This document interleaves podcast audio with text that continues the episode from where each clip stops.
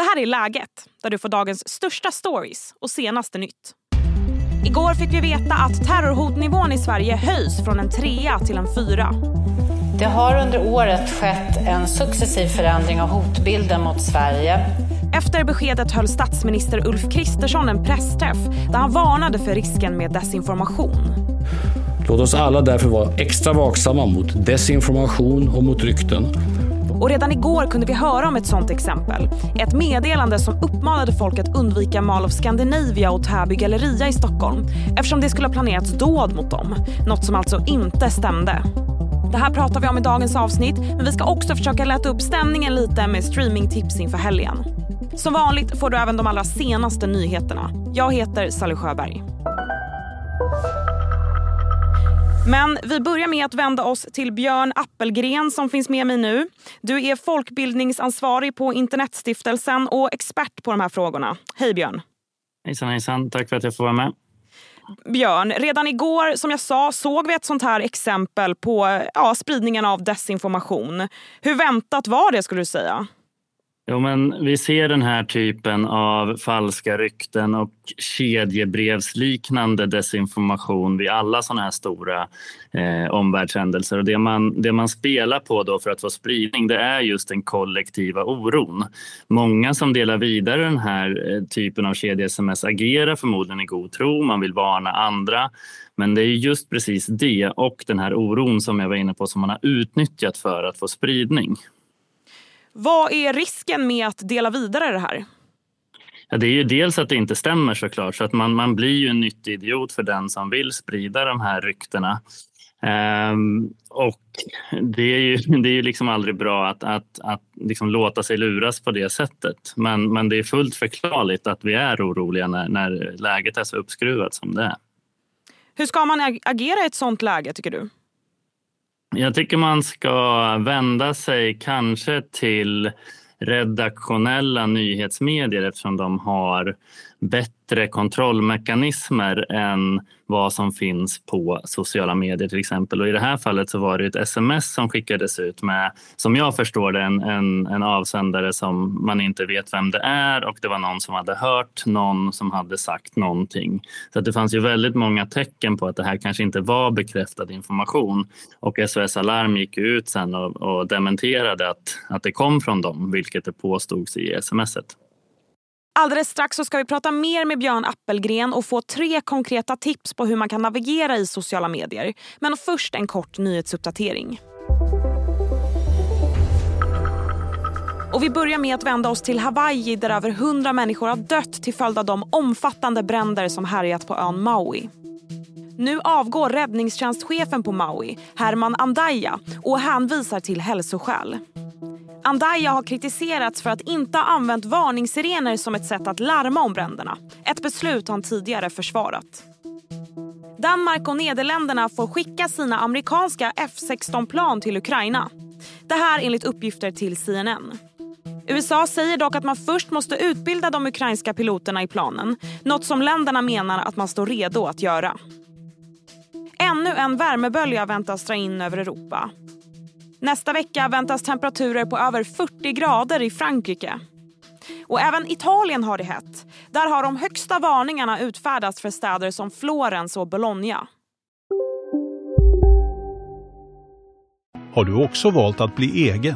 Då är det viktigt att skaffa en bra företagsförsäkring. Hos oss är alla småföretag stora och inga frågor för små. Swedeas företagsförsäkring är anpassad för mindre företag och täcker även sånt som din hemförsäkring inte täcker. Gå in på swedea.se företag och jämför själv. Hej, Ulf Kristersson här. På många sätt är det en mörk tid vi lever i. Men nu tar vi ett stort steg för att göra Sverige till en tryggare och säkrare plats. Sverige är nu medlem i Nato. En för alla, alla för en. Och nu tillbaka till Björn Appelgren. Vilken typ av desinformation kan vi vänta oss nu? Ja, men vi, vi, kan förvänta oss den här typen av ryktesspridning och kedjebrevsliknande sms eller e-post eller desinformation. En annan typ som vi kan tänka oss i, i när läget är så här uppskruvat så är det desinformation som har till syfte att ställa olika grupper mot varandra och ytterligare polarisera debatten. Det kan handla om lösryckta citat, det kan vara utpekande av personer och politiska företrädare. Det kan vara så att säga, insinuanta ifrågasättanden av samhällsbärande institutioner, myndigheter och medier. Och en annan sak som är väldigt vanlig är att man, man tar saker som faktiskt har hänt men så sätter man det i en falsk och felaktig kontext för att vinna ideologiska poänger. Om man tar eh, Rysslands invasion av Ukraina till exempel eller koranbränningarna här i Sverige så beskrivs ju de på olika sätt i olika delar av världen eller i olika sammanhang. Men det som har hänt har ju hänt så att säga, men man ger en annan ver verklighetsbeskrivning. Vilka plattformar skulle du säga är extra utsatta? Jag tror inte man kan peka ut någon, någon, speciell plattform utan desinformation existerar på alla plattformar. Det som är viktigt att känna till är nog snarare att sociala medier i stort har möjliggjort för den som vill sprida desinformation att nå väldigt långt väldigt enkelt eftersom det finns eh, interaktionsmöjligheter. Varje engagemang, oavsett om det är någon som delar, likar håller med eller argumenterar emot så gör ju det att desinformationen når fler.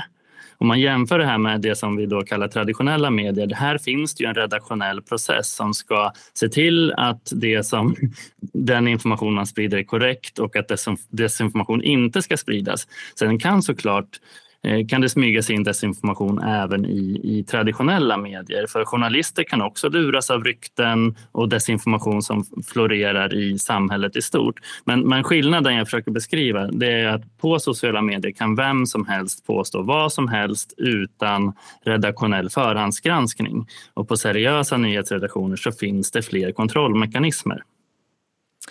Och Du ska komma med tre tips här till den som använder sociala medier och vill veta hur man ska se till att man inte delar eller går på någonting som är falskt. Då.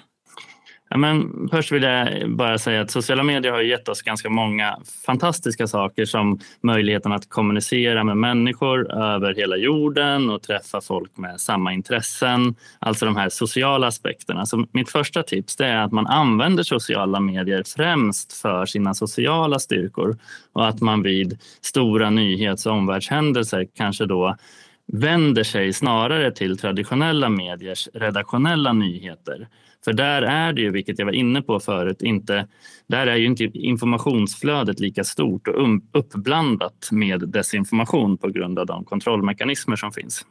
Tips två, för att få pålitlig information i sina sociala medieflöden, det är ju att trimma dem så att de faktiskt ger det man, man letar efter.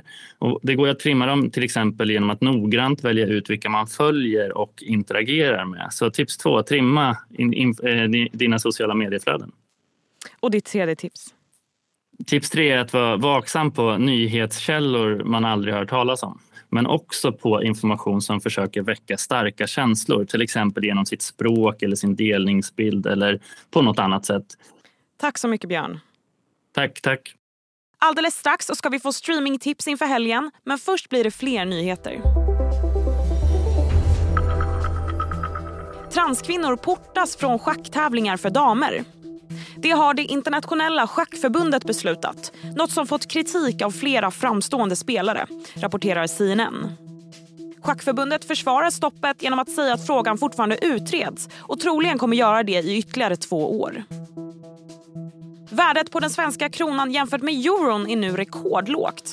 En euro är nu värd 11 kronor och 92 öre. Nedgången på kronan händer samtidigt som en bred nedgång på börsen.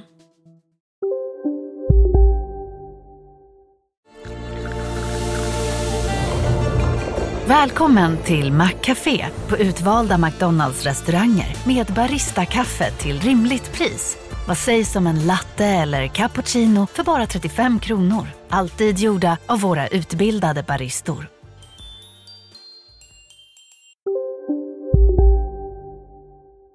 Nu blir det nöje.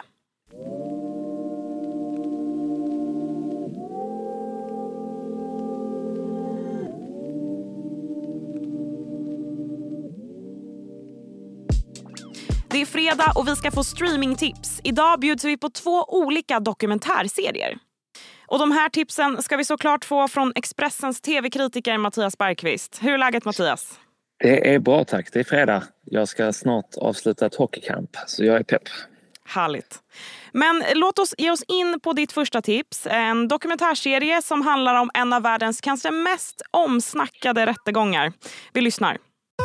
Can you please tell the jury why you're here today? Miss Hurt accused me of abuse. My ex-husband is suing me. Brutal, cruel. This is humiliating for any human being to go through. And all false. Amber Heard forever changed Depp v Heard hörde vi där alltså. Det handlar såklart om rättegången mellan Amber Heard och Johnny Depp och finns på Netflix. Hur funkar det här Mattias? Eh, det är intressant. Det är fascinerande på ett sätt. Och den, det är en dokumentärserie som säger mycket om vår samtid och tiden vi lever i och hur man ska definiera ett sanningsbegrepp. Men samtidigt så lyfter den vad som hände på sociala medier under tiden som rättegången pågick. Man får se amerikanska personer som gör så kallade hot takes, alltså de satt och kollade på rättegången i realtid och sen reagerar de eh, samtidigt och så får de tusentals följare. Och då menar dokumentärmakarna att det här på ett sätt förändrade sanningsbegreppet för att eh, det som sades i rättegången tolkades av de här personerna och vilket blev liksom påverkade människor som sedan tittade på dem och inte själv bildade en uppfattning. Och jag blev väldigt glad när jag såg att de har liksom kokat ihop hela rättegången. Eller är det det de har undrar jag? För jag, jag som kommer ihåg när de streamade allt på Youtube och var så här, gud jag måste se ikapp, jag måste se ikapp. Får jag liksom mm. rättegången i liksom miniformat eller? De, de har gjort det väldigt smidigt, smidigt för tittaren att de just har plockat liksom att eh, under rättegången så var det först Amber Heard som vittnade och eh, sen gick det några veckor veckor och sen var det Johnny Depps tur. Och fast att de pratade om samma saker. Här har man korsklippt det så man får höra Amber Heards version och sen direkt efteråt Johnny Depps version. Så det är väldigt smidigt och eh, förenklar ju såklart för tittaren att bilda sig en helhet och en bild utav vad som kan ha hänt i det här ganska tragiska skeendet av deras liv. Ditt andra tips är ännu en dokumentär, eh, lite annorlunda. En miniserie om ett shady amerikanskt bolag som har telefonförsäljare. Så här låter det. I didn't think I was doing anything bad at all. Now, Lisa, these families, they do need your support. The business model is defrauding the most vulnerable in this country. It was a big time scam. This is capitalism. Get money, money, money, money. We need to show the Ja, Telemarketers heter den här, finns på HBO Max. Eh, berätta Mattias, vad, vad handlar det här om? Jo, men man, kan, man kan enkelt säga så här att om eh, Johnny Depp och Amber Heard-dokumentären är någon slags eh, svensk toppsmusik, då är det Telemarketers, det är rock'n'roll på riktigt. Det här är liksom början på 90-talet, två snubbar som jobbar på det här företaget Civic Development Group. De röker på, de eh, tar massa droger samtidigt så på jobbet medan de är telefonförsäljare. Och det är liksom, det är shady precis som du säger och de lurar människor hit och dit och det är, samtidigt då så upptäcker de här två killarna liksom själva bluffen med jobbet de har och börjar dokumentera med kameror och det fortsätter de med under tiden som de jobbar på det här företaget. Och, eh, det är en fascinerande inblick, det är väldigt välgjort. Eh, det finns en slags eh, 90-talskänsla som jag tycker mycket om just för att jag växte upp där eh, på den tiden och eh, nej, suveränt utfört. Eh, ett avsnitt finns tillgängligt på HBO Max. Det återstår två stycken. Det, det är bara att hoppa på tåget så att säga och sen när det är klart så kommer man behöva andas ut. Låter väldigt spännande. Tack så mycket Mattias. Trevlig helg till Tack dig. Tack själv. Trevlig helg. Det var allt för idag. Glöm inte att följa läget i din podcastapp så att du aldrig missar några avsnitt. Podden är tillbaka på måndag igen. Tills dess så kan du läsa nyheter i Expressens nyhetsapp. Tack för att ni har lyssnat och trevlig helg.